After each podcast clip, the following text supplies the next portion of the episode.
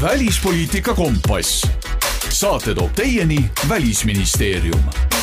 tere kuulama podcasti Välispoliitika kompass, mille eesmärk on jätkuvalt hoida maailmas toimuval kätt pulsil ja rääkida selleks, milliseks võib üks või teine olukord äh, kujuneda ja tänases saates on äh, jutuks sõda Ukrainas ning see, kuidas äh, venelaste külmutatud vara abil Ukrainat sõja võitmisel toetada. selle mm, külmutatud varade kasutuselevõtust on räägitud palju, aga kuhu me tänaseks jõudnud oleme, saame me rääkida ei kellegi muu kui välisminister Margus Tsahknaga, tere päevast! tere päevast! mul on väga hea meel, et, et sa võtsid selle teema ette, mis puudutab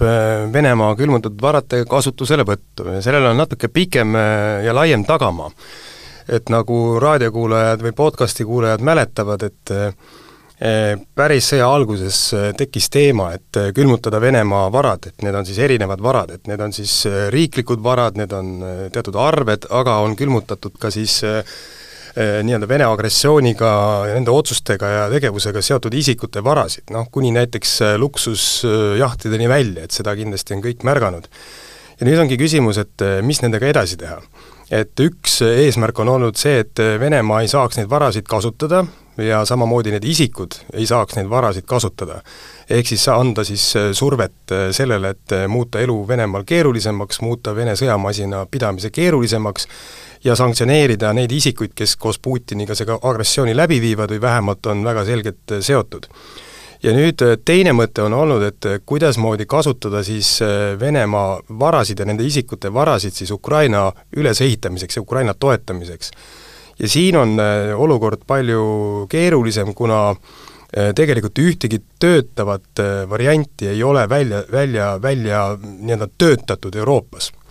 ja me olemegi võtnud eesmärgiks selle, et eh, nagu me veame eest paljusid teisi initsiatiive, mis puudutavad Ukraina toetamist, olgu need sanktsioonid, olgu need Ukraina saamine NATO täisliikmeks, eh, olgu need ka näiteks eh, rahvusvahelised agressioonikuriteod nii-öelda riikide liidrite ehk siis Putini enda poolt, mille saavutamine on väga raske, et me teeksime siis rahvusvahelise tribunali, kus Putin ja tema peaminister ja välisminister oleksid rahvusvahelise tribunali all agressioonikuritegudega seotud, seda näiteks äh, praegune rahvusvaheline õiguse äh, pretsedendid ei luba, nii et see on üks teema, ja eraldi on siis see, et kuidas võtta Venemaa külmutatud varad kasutusele. Ja me olemegi täna siis Välisministeeriumis välja töötanud ja valitsuses juba käinud korra arutamas, äh, et me muudame omaenda Eesti siseriiklikku õigust niimoodi, et me saame võtta ka isegi sõja ajal Venemaa külmutatud varad kasutusele ja hakata andma siis seda toetust Ukrainale, on see ülesehitamiseks või mida iganes siis Ukraina tegelikult soovib teha. nii et see on äh, üks selline initsiatiiv ja pretsedent kogu Euroopa Liidus see, millest me räägime, on siis puhtalt ikkagi äh, oligarhide varad ja need, mis on siin Eestis kohapeal, mida meie saame hakata kasutama selleks, et Ukrainat toetada? jah, need on need varad, mis on Eestis külmutatud, nende suurusjärk on kuskil kolmkümmend viis kuni nelikümmend miljonit eurot hetkel, see ei ole küll väga palju, aga väärtuslikum isegi kui seesama number või et, et kui palju tegelikult me saame Ukrainale abi anda, on see, et me loome üldse õigusliku regulatsiooni ja käime läbi kõik astmed. ma ennustan, et see on nii valus teema, et kaevatakse kõikvõimalikud kohtuastmed läbi, on see Eesti Vabariigi Riigikohtuni välja ja kindlasti ka Euroopa Liidu enda kohtuni. aga see on vajalik sellepärast, et tegelikult Euroopa Liidus noh, väga palju ei taheta sellega praktiliselt tegeleda, kuna ütleme nii, et külmutatud varade kasutuselevõtt on kõige valusam hoop nii Venemaale kui ka tegelikult nendele oligarhidele, kelle varad on tänaseks külmutatud. Nad hakkavad täna reaalselt oma varasid kaotama. ja, ja see on selles mõttes huvitav pretsedent, et huvi on selle vastu väga suur kogu Euroopas. maailmas on olemas üks riik, kes on välja töötanud öö, oma öö, juriidilise skeemi ja see on Kanada aga Kanada on teistsugune õigussüsteem, nendel on nii-öelda case law, äh, aga ma lähen ka Kanadasse oktoobrikuus, et just nimelt vaatama lähemalt, et kuidasmoodi nende lahendus töötab ja mis me saame sealt õppida. ehk siis Eesti on järjekordselt võtnud ühe väga valusa teema, ma loodan, et äh, valitsus äh, lähima paari nädala jooksul oma valitsuse istungil selle eelnõu kinnitab ja me saame selle anda siis Riigikogu menetlusse. ja ma väga loodan ka seda, et Riigikogu jätkab traditsiooni, mis oli juba kevadel, et obstruktsiooni ei korraldata siis nende eelnõude suhtes, mis puudutavad rahvusvahelist ja välispoliitikat. et näiteks kaks avaldust, mille Riigikogu tegi toetamaks Ukrainat selle sõja tribunali teemal ja teine oli siis Ukraina saamist NATO-sse, et need menetleti kiiresti ja seal oli rohkem kui üheksakümmend Riigikogu liiget toetasid, et ma loodan, et Riigikogu kohalikku ja, ja Eesti-sisest poliitikat ei aja segi siis välispoliitikaga kui nüüd võtta konkreetselt see skeem lahti, siis me alustame, ma saan aru sellest, et kõigepealt me peame üldse siis need varad leidma ja siis peab Ukraina üldse andma meile selle sisendi, et kust siis äh, Venemaa on teinud kahju ja Venemaa seda raha ei anna. no tõenäolis-, tõenäosus, et Venemaa üldse mingisugust raha Ukrainale annab millegi taastamiseks, on ju sisuliselt null. jaa, see on äh, sisuliselt null, et kui hästi lihtsalt lahti rääkida, see, see skeem või see süsteem, et see on nagu nii-öelda ettemaksuna äh, võetav äh, vara siis külmutatud varade arvelt, ehk siis Ukrainas on tekkinud agressiooni tulemusena kahju, Ukraina on selle dokumenteerinud, eh, esitanud nõude Venemaa vastu, kes seda, nagu sa ütlesid, ei aktsepteeri, siis kui Eest-, nüüd on see juhul, kui Eestis on see kõik eh, vastu võetud ja kehtestatud seaduse alusel, siis Eesti sõlmib Ukrainaga rahvusvahelise lepingu, kus me siis sätestame ära selle, et Eesti saab üle anda siis raha, mis tuleneb siis nende külmutatud varade võõrandamisest nüüd, mis on need külmutatud varad? täna on juba olemas äh, Euroopa Nõukogu juures siis äh, külmutatud varade ja kahjude register. Ehk siis needsamad külmutatud varad, aga ka need kahjud, mis on tekitatud Ukrainas, peavad olema registreeritud selles Euroopa äh, Nõukogu tasemel ja Euroopa Liidu tasemel registris, ehk siis see on nagu rahvusvaheline hinnang, et jah, need on agressiooni tulemusel tekitatud kahjud ja jah, need on need varad, mis on külmutatud nende isikute või ka riigi suhtes, kes on agressiooniga seotud, ehk siis see on see rahvusvaheline pinnas. Ja nüüd, äh, mis siis juhtub, on see, et Eesti kohtusüsteem konkreetsete varade suhtes langetab otsuse, need võõrandada või võtta üle. kui nad on rahalises vääringus, siis saab riik üle võtta, kui nad on mingis muus vormis, näiteks ma ei tea, laevade näol või mingis muus materiaalses vormis, siis me võõrandame need. aga see tähendab siis seda, et Venemaa oligarhid pärast seda vara enam ei näe? Nad võivad näha, vot seal, seal ongi see nii-öelda rahvusvahelise õiguse ja ka meie enda õiguse üks, üks konks on see, et kui me need võõrandame, siis me anname tegelikult selle isikule või ka sellele riigile või sellele pangale vastu siis nii-öelda sellise nõudeõiguse. ehk siis sellel isikul tekib õigus Vene enda riigi vastu saada siis kompenseerituks oma varad, ehk siis riigil, mille nimi on Venemaa, mis on agressorriik täna, peab ise tegelikult omaenda kas kodanikule või siis omaenda pangale või omaenda juriidilisele isikule need juba meie poolt ära võetud ja Ukrainale antud varad kompenseerima ehk siis see ongi see nii-öelda ettemaksuks äravõtmine. ja, ja see teebki selle asja ja süsteemi selliseks elegantseks, eks tegelikult lõpuks maksab Venemaa riigina, agressorriigina need kahjud kinni või ta peab ütlema oma kodanikele või oma nii-öelda külmutatud varadega inimestele, et me ei maksa seda aga meie tahame lihtsalt need varad äh, saada vabaks ja anda siis Ukrainale, et ta saaks konkreetsed äh, projektid ellu viia, et taastada siis äh, neid agressioonikuritegudega ja agressiooni käigus ellu viidud kahjusid.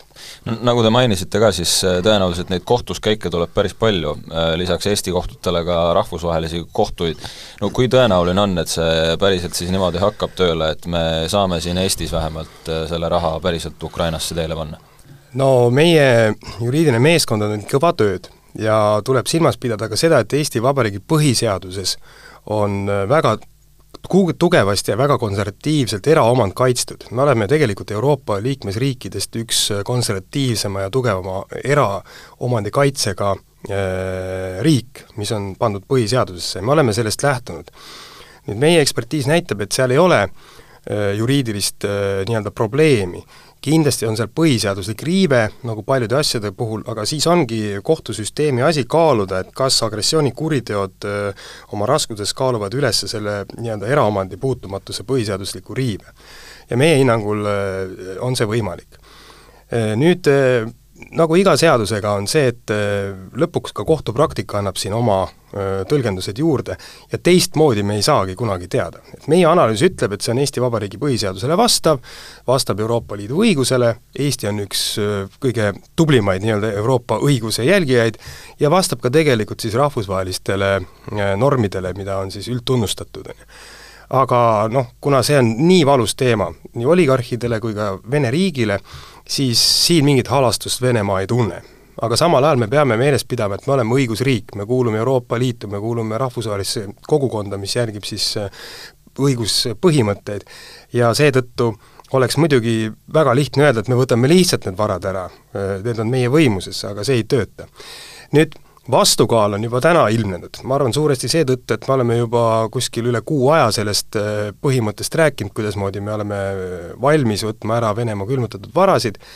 Venemaa on nüüd hakanud teistpidi oma samme astuma, teatades, et ta võõrandab või natsionaliseerib siis e-, erinevaid ettevõtteid ja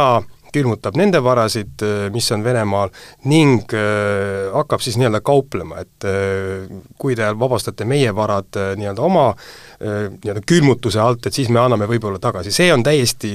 seadusvastane ja rahvusvahelise õiguse vastane tegevus, aga Venemaad ausalt öeldes ei ole, nagu te näete kahjuks ka Ukraina sõjas, et äh, see kuidagi pidurdanud. nii et Eesti asetab siin ennast äh, keset ühte väga valusat probleemi ja milles me võime olla täiesti kindlad ja mida ma täna juba näen, et Vene lobi, Vene mõjugrupid töötavad kõikides Euroopa pealinnades, igal pool, äh, selle skeemi vastu, sest Äh,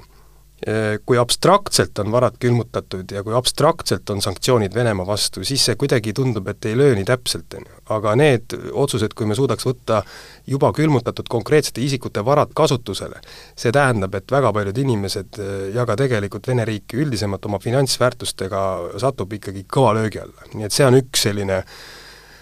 noh, mm, teema, kus Eesti peab mitte ainult Venemaa surve tõttu, vaid ka laiema rahvusvahelise üldsuse surve tõttu hoidma jalad tugevasti maas ja seljad koos. just, et te mainisite ka seda, et äh, selle vastu tuntakse rahvusvaheliselt huvi ka Euroopa Liidus, aga samas keegi seda pole veel praegu eest vedama hakanud, nüüd Eesti veab, no kui keeruline on seda praegu äh, näiteks Euroopa Liidu liikmesriikidele selgitada, et sellist asja on vaja? või nad pigem ongi sellised no aga äkki meil on tulevikus ikkagi Venemaad rohkem vaja ja praegu pigem hoiame natukene tagasihoidlikumat liini? no ega otse keegi nõnda välja ei ütle ja Euroopa välisministrite tasemel on juba mõnda aega arutatud, kuidasmoodi Venemaa külmutatud varad võtta kasutusele. nüüd äh, äh Euroopa Liidu kõrge esindaja on võtnud, Borrell on siis teinud initsiatiivi ka, kus arutada, et mis me saame teha, no näiteks mis puudutab siis juba külmutatud varade peale kogunenud intresside kasutuselevõttu. See on täiesti eraldi teema selles mõttes ja seda kõike meie tervitame, et iga samm, mis võimaldab Ukrainale abi anda nii-öelda Venemaa varade arvelt, on, on väga tervitatav. Aga nii konkreetset juriidilist alust ja skeemi ei ole hetkel keegi välja töötamas ja eks me näeme selle protsessi käigus, mitte keegi ei saa takistada Eestist, Eestis omaenda regulatsiooni teha ja selles mõttes äh, selle me teeme niikuinii ära. ja mul on tunne äh, vana kogenud poliitikuna, et sellele on arvatavasti olemas ka meie erakondade toetus Riigikogus. ja siis sealt lähme edasi juba teele ja minu ülesanne välisministrina ongi siis meie partneritele tutvustada seda protsessi, kuidas on võimalik ja lõpuks ka äh, minna siis praktikasse, ehk siis võttagi need varad ära, anda Ukrainale ja luua siis pretsedente. aga kas kuskilt, mingiltki riigilt on tulnud sellist indikatsiooni, et oh, vaatame, kuidas Eesti nüüd teeb ja siis võtame, teeme täpselt samasuguse skeemi või noh, vähemalt kuidas kohalik õigussüsteem seda lubab ja siis teeme ka ära? jaa, seda huvi on tegelikult väga palju, eelkõige tehnilisel tasemel, aga ka poliitilisel tasemel ja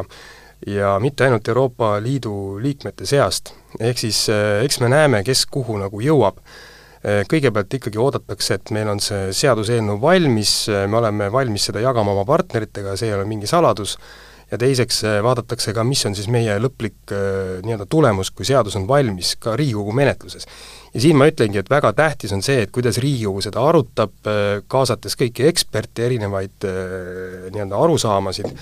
ja noh, see on nagu tõsine väljakutse Riigikogule ka, see on väga sisuline teema ja, ja uuesti ma ütlen veel kord üle, et väga teed, teed näitav.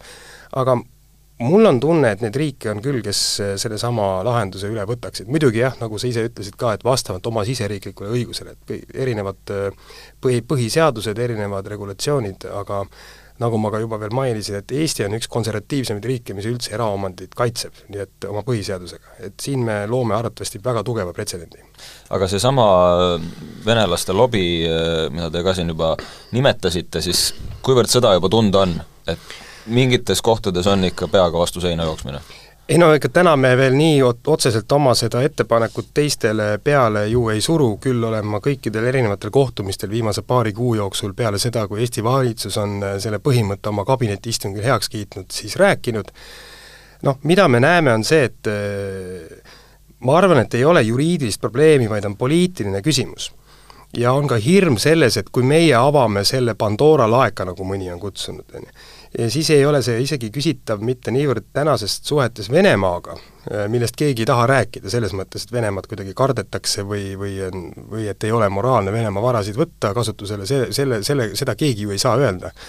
aga pigem, et mis, mis saab globaalsemalt, kui me lööme selle, loome pretsedendi.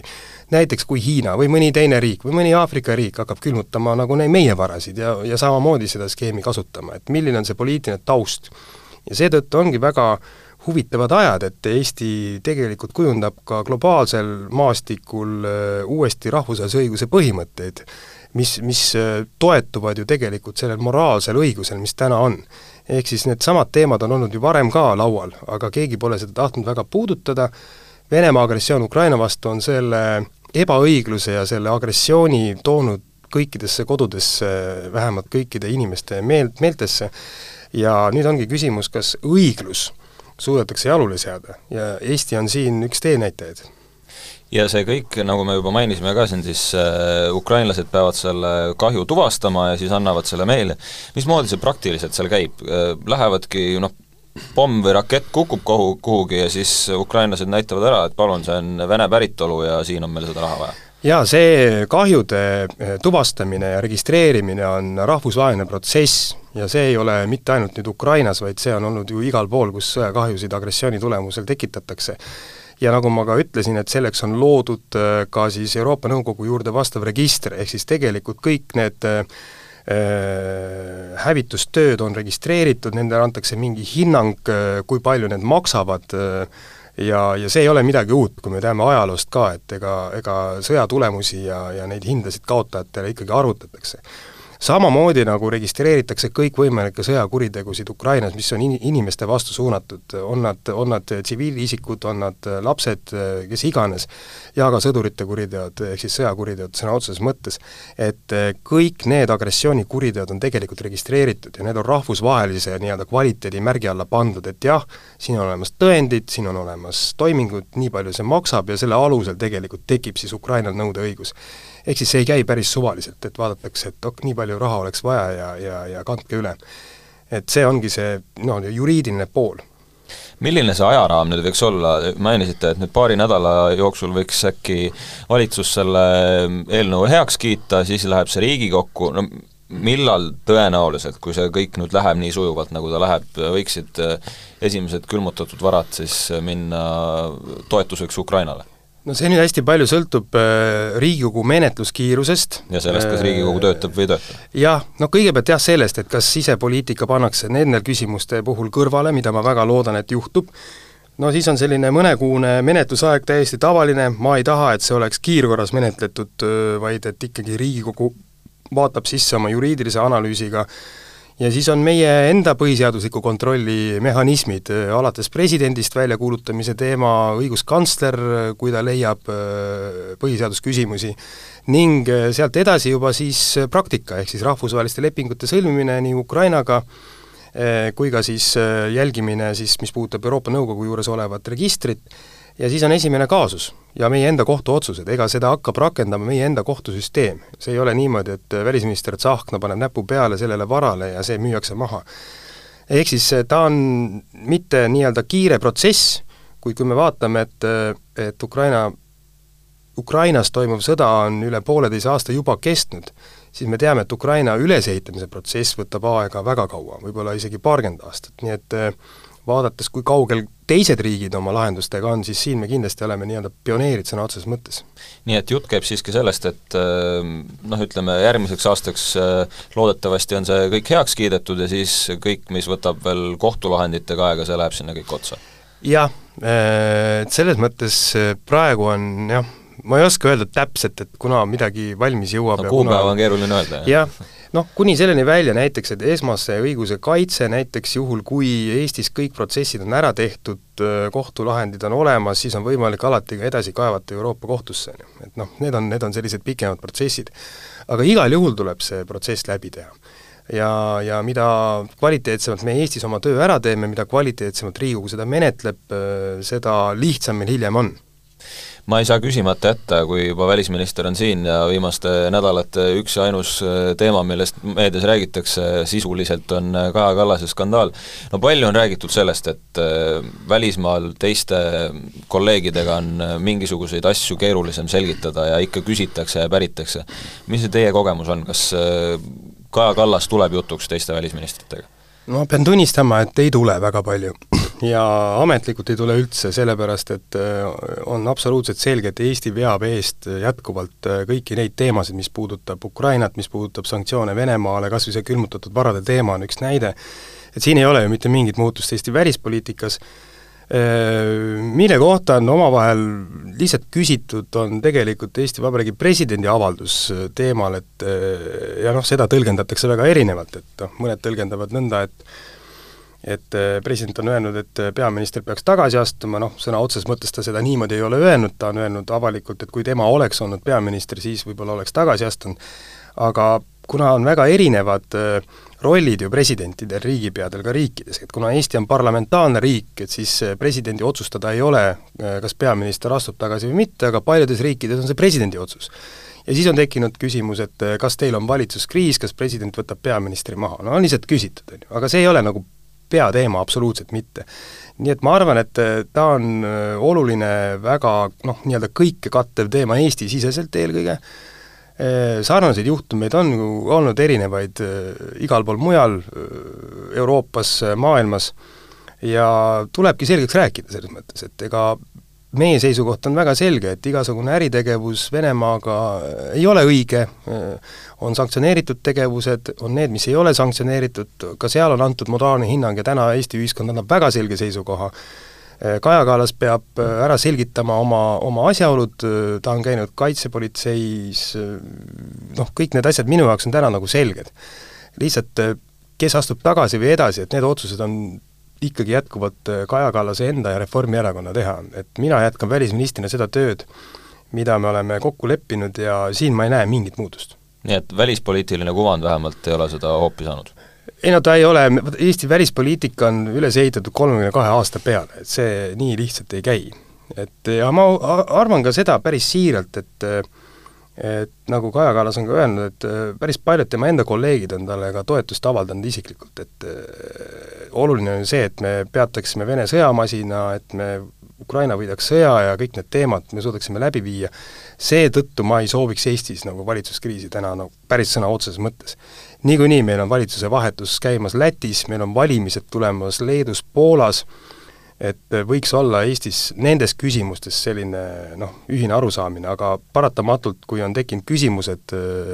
mis täna Kaja Kallase abikaasa äri suhtes Venemaal on, on tekkinud, siis nendele peab vastused saama. see protsess on Eestis täiesti normaalne protsess. selline sai tänane podcast Välispoliitika kompass, suur tänu, välisminister Margus Tsahkna saatesse tulemast! suur tänu! välispoliitika kompass saate toob teieni Välisministeerium